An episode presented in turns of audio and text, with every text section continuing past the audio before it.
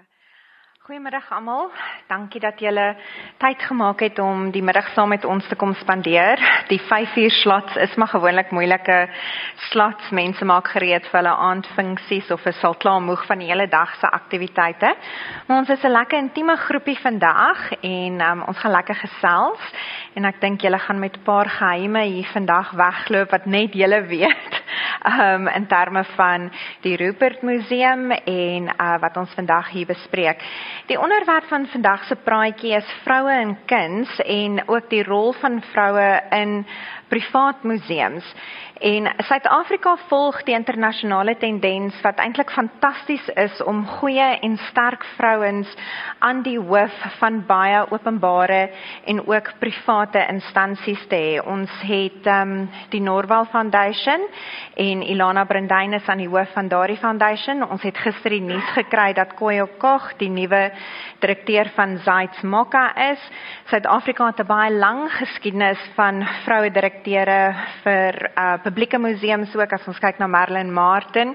You worked with Marilyn for a very long time at the National Gallery en um Antoinette Murdoch by die Johannesburg Kunsgalery en ek dink um dis Julia Carlton by Wits Art Museum. So daar is regtig baie sterk vrouens aan die hoof van hierdie instansies. My gas vandag is Robin. Uh, she's an old friend in the industry, and uh, we've known each other for a very long time. We met each other when we were both very young and working in the industry. Ek het nog by 'n galery gewerk en sy was collections bestuurder by die Nasionale Galery. So sy het 'n lang geskiedenis in museumkunde en uh, sy is onlangs aangewys as die nuwe direkteur van die Rupert Museum. En sy gaan vandag vir ons 'n bietjie vertel van haar rol by die museum en ook ook wat is wat word beplan vir die heropening van die museum in die tweede helfte van hierdie jaar. So Robin, thank you so much for joining me and for sharing some insights with a small group of people.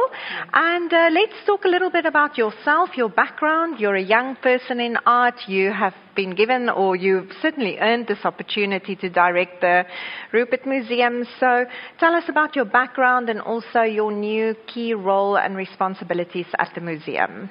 Of course. Yeah. Thank you. Thank you and welcome again, everybody. I'm very happy to be able to have this intimate um, space to share with you some things that I think people have been waiting to hear about and they're confused about and they're anxious about, and I am both as well. But I'm very happy to say that um, things are, are looking fantastic at the current construction site, which is the Rupert Museum on on um, my own sort of background side, I studied art at UCT, did the BA and honors, and then I did my masters at the um, Center for African Studies, um, which was basically a public culture and heritage uh, masters, which crossed disciplines, uh, of course, dealing with not only art but um, cultural heritage, heritage objects, heritage sites um, the more extensive side of, of the cultural arts, which I very much enjoyed um, under Professor Nick Shepherd. But um, my my background with with Marilise, as she's mentioned now, was very much in the what you might say the the the humdrum or the the heavy work of physically working with the art collections, with the cataloging, with the, um, the acquisitions, the new acquisitions coming in, sitting in on the acquisitions meetings and through the battles of, of deciding what to acquire. And this was at the South African National Gallery, which is one of these Iziko museums. I very much enjoyed this behind the scenes and um, I, th- I, would say sometimes trying experience of putting together fantastic shows. And I worked there with great um, people like curator Hayden Proud. Um, I worked with Emma Bedford, with Marilyn Martin as well, who was the director at the time, and then handed over to Riason Naidoo. So I really worked with some fantastic people who I think helped me in this, or through this baptism by fire of, of the National Gallery experience. Um, but yes, that's, that's mostly the, the, the, background that I came from. And then with um, the Rupert Museum. It was in 2013 when I was first, um, um, I would say, kind of headhunted, uh, along with uh, some other people that I knew, to be the curator, which was a brand new post at the mm. space. Um, there was only the director before that, and he had an assistant. So already at that point, it showed that the family was starting to look at the, the museum space in a very different way. Mm.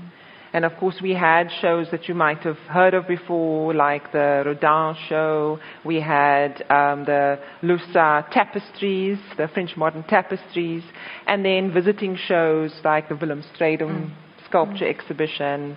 Um, and various others. And then more recently, since I've been there, we had the Walter Battiss exhibition, which was fantastic, where we looked, it was like a mini retrospective because mm. we looked at mm. the five lives of Walter Battiss, as, as he referred to it. Um, and then before that, the Albert Adams exhibition, which was really special as well. Um, a retrospective show which we did with a lot of support from the SMAC gallery as well, who'd had Adams, uh, Albert Adams shows before that. And I think points to, if I can jump mm. into. Um, points to, I would think, I would say it's a renewal of um, the museum space and what the museum does, its role in, I'd say, the Western Cape and also across South Africa, which has happened more recently. And years ago, it seemed that the museums, the art museums, were very quiet, and it was exactly SMAC and What If the World and all these kinds of commercial gallery spaces who were, and the Goodman and so on, who were looking at moving art forward through their exhibitions, starting to do things like retrospectives mm. and so on, mm. um, which is great, but I think should really be the responsibility and be spearheaded by um, a, a, museum space. Mm. Especially spaces who sometimes are sitting on vast collections and it's, it's not really having the opportunity to be seen, and not just seen, but also interrogated. Mm. And I think that's what's great about this moment right now with the Rupert Museum because we are revisiting the collection. So if you visited the museum before, you would have remembered it was very classically an exhibition space. So you come in, you view the art, read a little bit about it, and you move away. The new space will be far more interactive. So we would want our audience to just get a lot more involved with what's happening in the space. There'll be a cafe, um, there'll be an art um, workshop, which we're calling the Maker Studio space, which will be very much education orientated. Um, so we'll have workshops there, we'll have talks in the space as well, and um, quite a, a different kind of program of events that will draw people to the museum, not just to the space itself and the art, but also to the gardens and the fact that we are in Stellenbosch and close to the Eerste River, we want people to understand a bit about the space and that's where Hannelie's vision comes in, which she um, refers to as a museum without walls. Hannelie Rupert is Mr. Johann Rupert's daughter. She studied art as well, and she's uh, taken it on her shoulders to, to reshape the museum and take it into the future. And the museum without walls is not literally without walls, but actually more a space where people feel like they're part of, of what's happening inside it. It's not you come and you view and then you move away again, but you, you come regularly, you visit, you take part, and you take some of it home with you. So that's the type of space that we're hoping to, to cultivate through this renovation. So, and that you would say is part of your new role there is to spearhead these new programs and, um, yeah, look at the exhibitions and, um, Yes. yes. Anything else you can tell us about yes. what you need to look after? Yes. So to give you a little bit of background on the collection itself, yeah.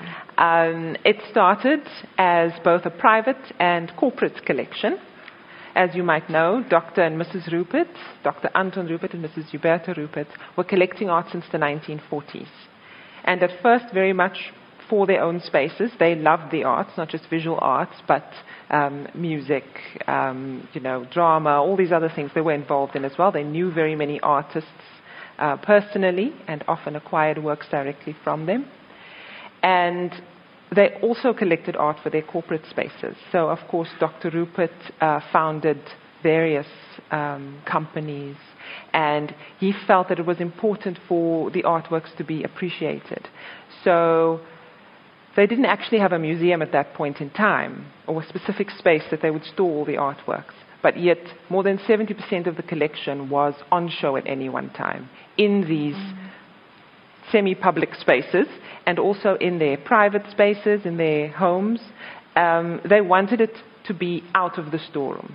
So that's still the case today. And I think what's wonderful about that is that we've got such a, an interesting and varied collection through the way it was acquired. So with the Hubert Groote Foundation, for example, it used to be the Peter Stuyvesant collection. So that gives you an idea of, of how the, the artworks were collected there. And the Peter Stuyvesant Foundation was, the art collection was specifically looking at the more, I would say, bold, dynamic um, kind of art. So they would look at, for example, the Italian futurists. So we've got artists from that period, mm-hmm. international artists work in the collection. And then on the other side, you'd have. That's uh, very forward looking for the very time. I think that was time. during the 1970s or 80s. Yes. Then, yeah. And they also um, funded many uh, sort of touring art and exchanges with touring art shows and exchanges with international uh, museums as well. So it was an unusual opportunity for South Africans to be exposed to that um, kind of international art. And at the same time, our own artists' work, our artists such as Irma Stern and Maggie Loubser and all of these guys who, whose work formed part of what was the Rembrandt van Rijn um, Foundation. These works were then exchanged as well and, mm-hmm. and shown overseas. And they even went as far as to produce um, video profiles mm-hmm. on the artists. Mm-hmm. And very cleverly mm-hmm. used clips of it to, uh, as advertising for the Rembrandt van Rijn brand, ah. which was a, I think, a kind of an edutainment mm. thing that they did, which was great. It just broke down the boundaries. I mean, these adverts would be in public spaces, in cinemas. So you didn't have to go to a museum or an art see. gallery to go and, and actually mm. learn a little bit about mm. our own South African artists. And then they also did this on, on the international artists. What I find very interesting when we spoke yesterday briefly um, about collecting for the future, whereas um, this collection was built already in end of 1950s, beginning of 1960s, with the aim to the future and to use it for future purposes. And um, so that is what I find very interesting. And how do you use the collection currently before you guys close down for uh, the renovation? Um, how did you use the collection to engage communities? Right. So I would say it would be more in the traditional sense. We had our exhibitions, we had our website, we had um, various uh, educational programs that we'd run specifically on, like if we had Albert Adams visiting, if we put up um, a lifetime of collecting, which was one of the, the exhibitions we had where we looked at highlights from the 1940s up until more recently. And that way we would give uh, talks, walkabouts, um, bring kids through, and just expose them to the art.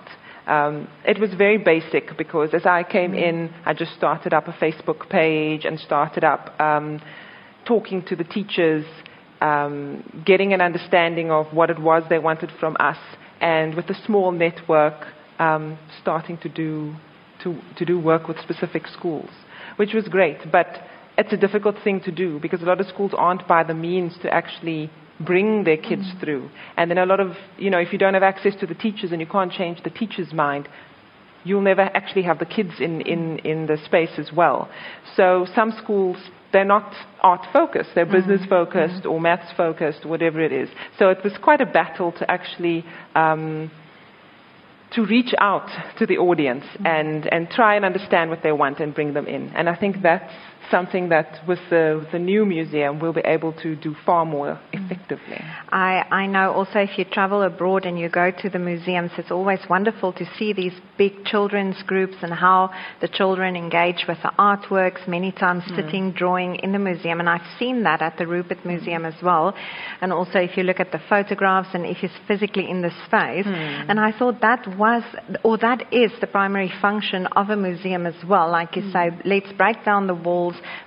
bring the um, communities in, bring the children in, and mm. let them engage with the works as well. And I mean, I think it's wonderful for nine-year-olds to stand in front of a beautiful Irma Stern and mm. also give their own interpretation or drawing of that work. So I think that's yeah, quite important. Course. Do you think that was part of the vision um, for this museum? Why why was the why museum was built? Yeah, built? why did they establish the museum, or why right. was it established? So what happened was that the family living in Stellenbosch actually had a fire at one of their homes. And in 2003, Mrs. Rupert decided she was had this idea for a while, and she decided now is the time we are going to actually build this museum. We're going to have a space. We're not going to, um, you know, try and show everything in, in these kinds of private spaces Various as well. We're going to show the, the, the jewels of the collection really in um, a beautiful museum dedicated to art. And knowing that their, their collection is really strong on 20th century art, they decided to focus on that, on the South African side, and bring in a few of the international elements, um, just, you know, as a as a way of looking out um, across the borders, but to really focus on the South African. So in 2003, they actually had this very vision that you see behind you here. This particular um, work was um, drawn by the architect Hannes Meiring. I handled the original work today. I was just mm-hmm. telling Maralise in, in the big art move that we have at the moment. And here he envisioned what the Rupert Museum would look like. It opened its doors in 2005. And at that time, both Mr. Um, sorry, both Dr. and Mrs. Rupert were alive. They came in, they enjoyed the space, but they died within a few months of, of that time. Mm-hmm. So it's, it was just such a, I think, Sorry an important to interrupt, moment. Did they ever see the opening of the museum? Yes, yes, yes, yes. Okay, yeah. okay, so, so mm-hmm. the museum opened in 2005. Okay, sorry, yeah, yeah, yeah. So um, it was actually wonderful that, that they, we've even got um, two wheelchairs in the space with uh, sort of like graffitied wheelchairs that were dedicated to them. So they visited regularly, oh, you know, once it was opened. Yeah, yeah. And in fact, Mrs. Rupert didn't want Dr. Rupert to, to really get involved okay. or even you know, see the space. So I think it was like a big project. Yeah, yeah, it was her project. so when it was finally opened, it was a quite a, a a big affair to have him come down the space mm-hmm. as well. Um, so they very much enjoyed it. And of course, if you look at this um, drawing here, on that end, on the right end, that's where you'd come in and park, right? So you would wheelchair up or you would walk along here and then enter over there in the middle after that first part of the building. The new building will be quite different. So you'll park around there as you did before but you enter on the end. And there'll be a big glass entrance space over there as well. So you'll be able to see that it's a museum. We still want to keep, of course, the fabulous architecture, which is purpose built to look as if it belongs in Stellenbosch. Mm. But at the same time, we want to modernize the space. So you'll have that glass box, you'll have a few friendly faces in there welcoming you and directing you, and you'll move through the museum from that end into the three main halls and the exhibition. So there are four gallery spaces that you'll move through. Um, and the sculpture garden is on the other side, looking towards the, the River. And on this side will be the cafe. So you'll look out um, onto the roadside. So it's it's really going to be definitely going to be a new destination in yeah, quite yeah. quite a different yeah, space. Fantastic. Yes. Um, I just want to go back to the collection. What mm. would you say are the key works in the collection? So, one very important one, I would say, or feel that I should mention, is uh, Stern's The Eternal Child. And you might have seen it. We, we try to show it all the time. Um, and before that, it was actually on a very long term loan to the South African National Gallery, where it was also very prominently shown and it's actually one of Irma Stern's very um, early paintings. It was painted in 1916 when she was a student uh, in in Berlin, and she was so moved by a little girl that she'd seen who was, was very melancholic. Um, she was moved by the sadness in her eyes. And at her first opportunity, she felt she had to record that. And she saw that painting as her first real painting, as her sort of coming out as an artist. And she had many offers uh, in her lifetime. People had tried to purchase the work from her, oh, okay. but she wouldn't sell it. But eventually, in it, I think it was just a year before she passed away in 1965, mm. she contacted Mrs. Huberta Rupert mm. and said to her, you know, I think you should be the one to, to look after this work. And Mrs. Rupert bought it. It mm. wasn't given. yeah. they bought it. But um, it was, it's really a, a crown jewel for us. It's a very special work. And of course, we have several works from the Zanzibar period as well. Mm. Lucky enough, mm. in fact, to have on display normally around 27 uh, works by Irma Stern, which is, I think, only second to the Irma Stern Museum itself. So we're very lucky to have that. Of course, they have Wonderful. other Irma Stern works yeah. in the collection and in their private private collections. Because you must remember that what you see at the Rupert Museum is mainly Dr. and Mrs. Rupert's um, art collection. So uh, Johann Rupert, their son, Hannelie Rupert Koegelenberg, their daughter, they've gone on and they've collected, and now the, the grandkids as well uh, have started their own art collections. So there's, there's a lot more for us to draw from mm-hmm. sometimes, mm-hmm. and if we play our cards right, we can even tap into, Wonderful. into those resources. Can you tell us a little bit about the Pierneef works, the station panels right. that you so we've been very lucky to be able to show the station panels first in Graaff-Reinet at the Jan Rupert Art Center, and then it was moved, I think it was in 2009, to the Rupert Museum. The 32 station panels, the 28 landscapes, and the four um, paintings of indigenous trees were done by Pierneef in 1929 and uh, presented in 1932 to what was then the South African Railways and Harbours. So it was painted specifically to be used in the Johannesburg railway station. And of course, had to um, advertise the fantastic spaces that you could travel to using. You know, it was a proud moment for, for the railways and harbours using their, their transport system. But of course, as the years went on, um, the, the collection was moved first to the, the on-site museum that they had, mm-hmm. and then to various other spaces, the Pretoria Art Museum, Johannesburg Art Gallery, where it couldn't be shown, you know, completely. It had to be shown in part and rotated.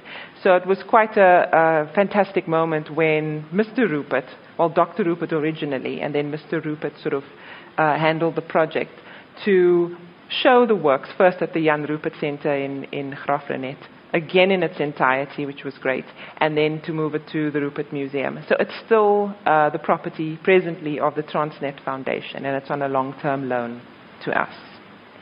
So I know people seem to think that our collection is full of, of Pierneef works, but that's not yeah. the case. Yeah. In fact, the, the main um, station panels that we're showing, that's on a long-term loan to us. So it's a very happy symbiotic mm. relationship. Mm. Transnet gets to show off the wonderful works, um, and we get to be a part of that. Custodians mm. of the works.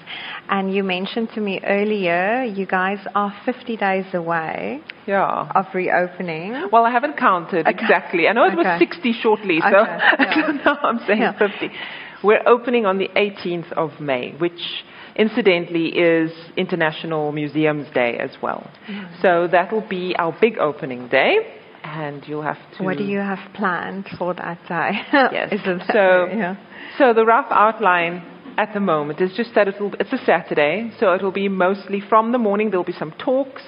Um, there'll be some activities that you can hopefully do in the Maker's Shed. We'll have food trucks, and of course there'll be um, ref- other refreshments, and you'll be able to just enjoy the space and move around the space for free. In fact, we're scrapping the, the entrance fee, so there oh, will wonderful. be free um, access to the museum. Just for that day or going forward? Going forward. Oh, wonderful. Yeah. yeah. Um, and memberships as well, free mm-hmm. memberships. So we really want to entice people to become members, um, be aware of what's happening in the space, and treat it like your your second home. You know, um, because it's it's got to have a life that carries it through just being coming to, to look at art.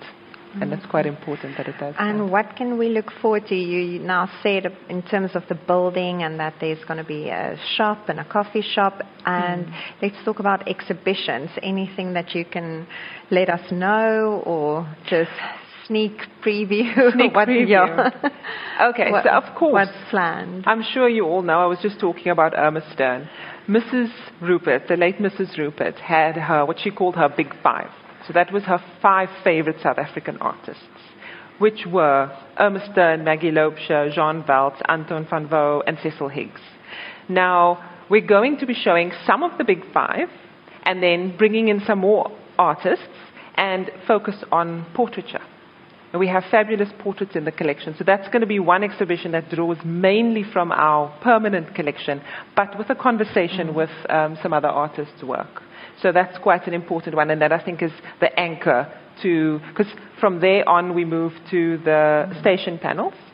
And with the station panels, we're hoping um, to show the preparatory sketches that Pierneef had made. Now, remember, he took those three years to produce the station panels, but before that, he'd actually visited these sites very often, and sometimes um, he would do watercolor sketches, um, you know, in situ, plein air kind of stuff, and other times he would do a quick pencil sketch. Um, what's lovely is we went through the archives, and we'd see some spaces where, some places where he'd actually had written in um, vit blow, you know, all of these sorts of things. So he was giving himself um, an indication of, of what to what to do when he's in his studio.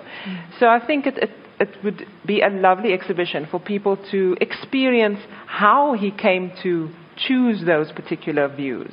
And sometimes people would say, "But this view is spectacular. Like I just, you know, we can't find it." And I'll tell you why you can't find it because it doesn't exist. because he used his artistic license. Sometimes he'd see a beautiful mountain peak and he'd frame it in a particular way with buildings. And then when you see the drawings, you see that actually, you know, it was kind of like that. And then he kind of pushed it up together where he thought it would be the most aesthetically pleasing. So it's, it's a nice peek behind the, you know, the artistic process to, to coming to that final station panel. Um, and then uh, also, uh, moving on to, other exhibitions, we'll have the, the San rock art. Um, wonderful. We had a gentleman, um, To- Townley Johnson, travel to various sites in the Cederberg. This was, it could have been in the 80s, um, where he traveled out and he, he did about 1,600 paintings of rock art sites. And this was then purchased by Dr. Rupert uh, at the time. In fact, he commissioned him to do it. So it was quite an extensive project, and we're going to be showing some of those, what we call tracings, because they're copies of, of you know, the rock paintings themselves. So we'll be showing that as well, and we'll be showing some of the, the process behind how that happens, and some of the travel logs, and looking at how people actually documented rock art sites and why they did so. So that will be a nice little bit uh, of an exhibition that's outside the norm of um, the visual arts that, that we think of. Yeah. Um, and then our big, more contemporary exhibition, which will be in the front room as you come in. We're hoping to focus on the triennial works. You might know that the Rupert family, through the Rembrandt van, Rijn Foundation, funded a very um, big project, which was the Cape Town Triennials, that ran from 1982 to 1991 and it brought to light and gave a platform to artists like William Kentridge and Penny Siopis, even Willie Bester, Carl Nell, very many of the, the winners, um, you know, through this triennial process. Uh, the winners' works were purchased by the, the Rembrandt van Rijn Foundation.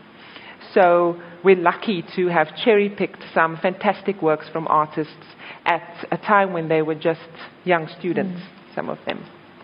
So the big show will be looking at the triennial artists then and now. So I think that would be, it's a, it's a wonderful time now Yes, to yeah. revisit that period and consider the types of projects that, that the Rupert family was involved in, which is not just, you know, Stern or Pierneef related. So it'll be wonderful to celebrate those works. And we'll be bringing in some uh, loaned works as well to, to really just look at that triennial period. But um, most of it is from our collection. So, Wonderful. yeah, Oh, so that will be the big new show that, that we're hoping to have. Again, um, for me, it's just a collection that started in the 50s and where it's now, and in a beautiful space, serving the contemporary. And um, uh, I think that's wonderful. And I think um, it was quite a long time ago, a really visionary project. So uh, the family has collected for the future for a very, very long time. Um, Robin, anything else you would like us to know about the new museum and the reopening? What would you like to tell us in a closing remark? In a closing remark, um, I think the most important thing is just that the museum itself is going to be uh, a node of, um, I would say, cultural activity in that area. So right now, it's it's kind of on the fringe of Stellenbosch, but we're looking to within the next three to five years developing the whole space around it. So eventually, we want it to become a space where um, people would actually walk rather than drive. So it's more kind of like a promenade, uh, public slash public garden kind of space. And you already see that with the Rupert Museum. We're bringing down some of the fences, bringing them back, and eventually, once the whole, the Eerste River is um, also being taken care of and um, being tended to in terms of not just cleaned up, but also better secured and better managed. And that space will also become a, a public space. So you'll be able to move around the whole museum. Hopefully, there will be a theater or conference space mm-hmm. behind us. We'll have other art galleries opposite us. So the Agrimark, which is presently there, is also planning to move to, to another site. So you'll really see a lot of changes over the next few years in this space. And um, we hope to, to be at the forefront of that and be able to give the public something new and something interesting to experience when they come and visit every time. Wonderful. We're looking forward to that. Um, ek gaan die vloer oopmaak. Het enige iemand vra wat hulle vir Robin wil vra? Ja, seker. There are international works as well. Mhm. And what happens to, are they exhibited on a regular basis or just So most of the international works form part of the Hubert Groote Foundation, right, which was the Peter Stuyvesant uh, art collection before. And those works are actually on show in the corporate spaces in London, in Luxembourg, in Amsterdam, and so on. So the bulk of it is actually over there. So even that uh, Rodin show that we had, Rodin and his contemporaries, um, several years ago, that show we'd actually brought in several of the works and then sent them back. So there's always the option to bring, there's also a wonderful collection of um, op art and kinetic art and, you know, fantastic sculptures by Bala, you know, th- those sorts of things as well. So we will do exchanges um, every now and again. We will bring some of that international work in. For the opening now of the museum and the revision, we're looking at the South African to just sort of kick off. But we're very excited to, to bring some of those uh, international collections back into our space. But most of it is presently out of the country. Yeah. Anyone else? No questions? Well, um, yeah, so Robin, that yeah, brings us to the end of our talk. Thank you very much for joining me. Um, baie baie dankie weer eens aan almal. Ons het um, kalenders daar agter geplaas. Soos wat julle gaan, neem asseblief vir julle 'n kalender. Dit is van Aspire Art Auctions. En um, ons het weer 'n uh, program môre waar ek 'n kort inleiding doen oor die Marlene Dumas wat ons Sondag verkoop het. En um, ons wys ook 'n baie baie nice film oor Marlene Dumas en William Kentridge wat ontmoet het hier in Suid-Afrika. Dit is nogal baie interessant om daai gesprek ook te luister. En dan is ons Vrydag terug vir kunswaardasies as jy belangstel. Maar um Robin, we wish you all the best for the last 50 days before opening. Good luck. Robin het um, ingestem om te kom gesels terwyl sy in 'n stoorkamer besig is om werke te pak en aan te teken en te skuif. So 'n kurator en 'n direkteur vir kuns werk baie fisies met kuns en almal van ons wat in die kunste werk ken daardie gevoel soos jy gesê het ook uh, the really nitty-gritty of um, handling art. And uh, but thank you very much. I really appreciate um, you coming today and thank you for sharing the new vision of the Rupert Museum. An absolute pleasure. I look forward to hopefully seeing you in the near future. Ja. Right, dankie. Dankie almal. Okay.